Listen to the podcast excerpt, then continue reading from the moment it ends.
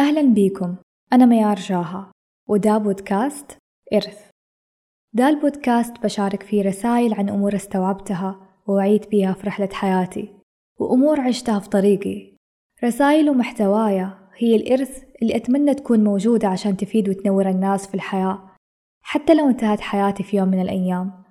ولهذا السبب سميته إرث لأني متأكدة إنه كلمة مني ممكن تكون رسالة نور ووعي لشخص ما في ذا العالم.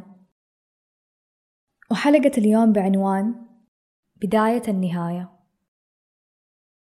النهاية واحدة من الأشياء اللي الكثير من الناس بينظروا لها على أنها شيء سلبي أو شيء محزن. يمكن لأنه أتعودنا لما نشوف نهاية الأفلام وتكون النهاية حزينة فيجي في بالنا إنه إذا انتهى شيء في حياتنا حتكون النهاية دايما محزنة. والحياة حتوقف وصعب نكمل ثاني. بس الحقيقة صح إنه حياتنا زي الأفلام عبارة عن قصص ومواقف وأحداث مختلفة بنعيشها وأشياء الواحد يصدق وما يصدق إنها صارت معاه. بس نهاية أي شيء في حياتك مو شرط تكون زي نهاية الأفلام ومو شرط تكون مؤلمة وسلبية.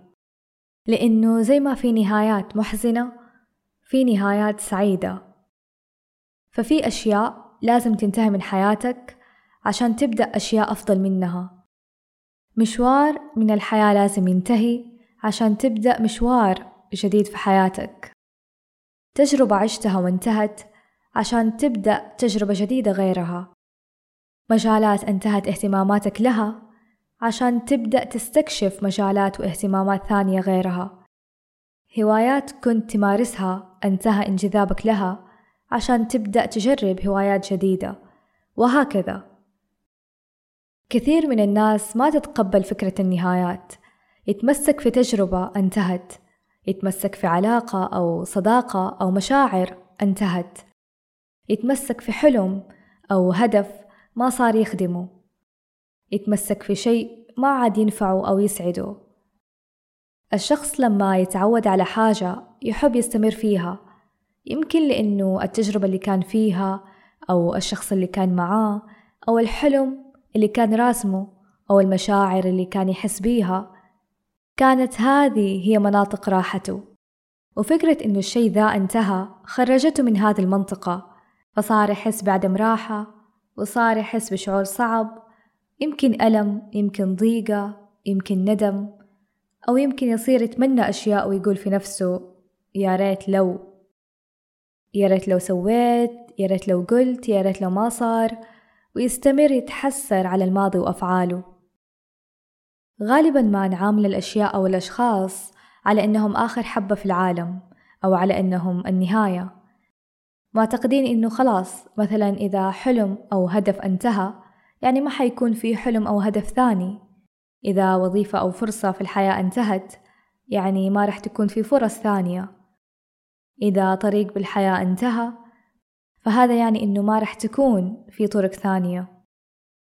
إذا عاش شيء جميل في حياته يعتقد إنه ما رح يكون في شيء جميل ثاني بعده. يعني ما هو كل شيء مريت بيه أو بتمر فيه أو عشته هو الشيء الوحيد الجميل. لا في أهداف ثانية جميلة في أشخاص غيرهم جميلين في طرق ثانية أجمل. يعني مين قالك إنه هذا الشخص الوحيد أو هذا الطريق الوحيد؟ فلا تحصر حياتك بفقط أشياء محدودة وتعتقد إنه الحياة ما فيها أشياء ثانية حلوة. وخليك عارف إنه زي ما عشت أشياء حلوة في الماضي حتعيش أشياء حلوة في الحاضر والمستقبل. وعشان أكون واقعية معاكم الإنسان طبيعي إلا ما حيمر بدي الأشياء. يعني طبيعي أحيانا حتحس بالذنب اتجاه شيء أو شخص ما. طبيعي إنه أحيانا حتلوم نفسك أو تلوم شخص ثاني في عقلك. طبيعي إنه حتحزن على شيء كان حلو. طبيعي حتحزن على انتهاء مشاعر أو ذكريات حلوة عشتها. طبيعي تحس بصدمة النهاية. في النهاية الإنسان ما هو آلة وعنده مشاعر وحتجي مشاعر حلوة وصعبة. وأتمنى إنك تعيش شعورك لما ينتهي شيء من حياتك مهما كان نوع هذا الشعور. فلو انتهى شيء وكانت نهايته جميلة بالنسبة لك عيش شعور السعادة. لو انتهى شيء وكانت نهايته صعبة عيش شعور الحزن. ولا تخلي الناس تحدد لك كيف المفروض تحس لأنه أوقات أنت تكون سعيد لأنه شيء انتهى والناس من برا تشوف موضوع سعادتك غريب. وإنك المفروض تحزن وتزعل. وأوقات تكون فعلا حزين لأنه شيء انتهى والناس من برا تشوف الموضوع ما يستاهل أو يمكن من حبهم لك يقولوا لك خلاص لا تزعل. وتصير ما تعرف تعبر عن مشاعرك. بس خليك عارف بينك وبين نفسك إنه من حقك تعيش شعورك مهما كان هذا الشعور. لأنه فعلا لا الناس عاشت قصتك ولا أنت عشت قصة غيرك.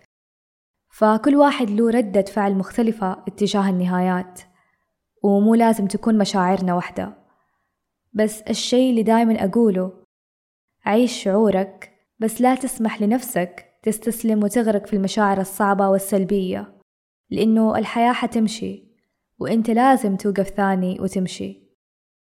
فلو اخترت اليأس والاستسلام فأنت بكده بتموت نفسك من الحياة قبل ما تموت فعلا. وصدقني هي فترة وحتعدي وحتعرف إنه الأبواب اللي انقفلت نعمة والأشخاص اللي خرجوا وانتهوا من حياتك نعمة والفرص اللي راحت منك نعمة والقصة اللي انتهت نعمة. لأنه زي ما انقفلت أبواب راح تنفتح لك أبواب وزي ما راحوا منك أشخاص راح يجوك أشخاص أفضل وزي ما انتهت قصص وفرص. راح تعيش قصص وفرص جديدة لأنه كل فقد بعده عوض وكل ضعف بعده قوة وكل ألم بعده نضج وكل كسر بعده جبر وكل نهاية بعدها بداية. فرسالتي لك من القلب. حاول تتقبل فكرة إنه في فصل من حياتك لازم ينتهي عشان تبدأ فصل جديد. وإنه مو كل نهاية هي النهاية بمعنى الكلمة.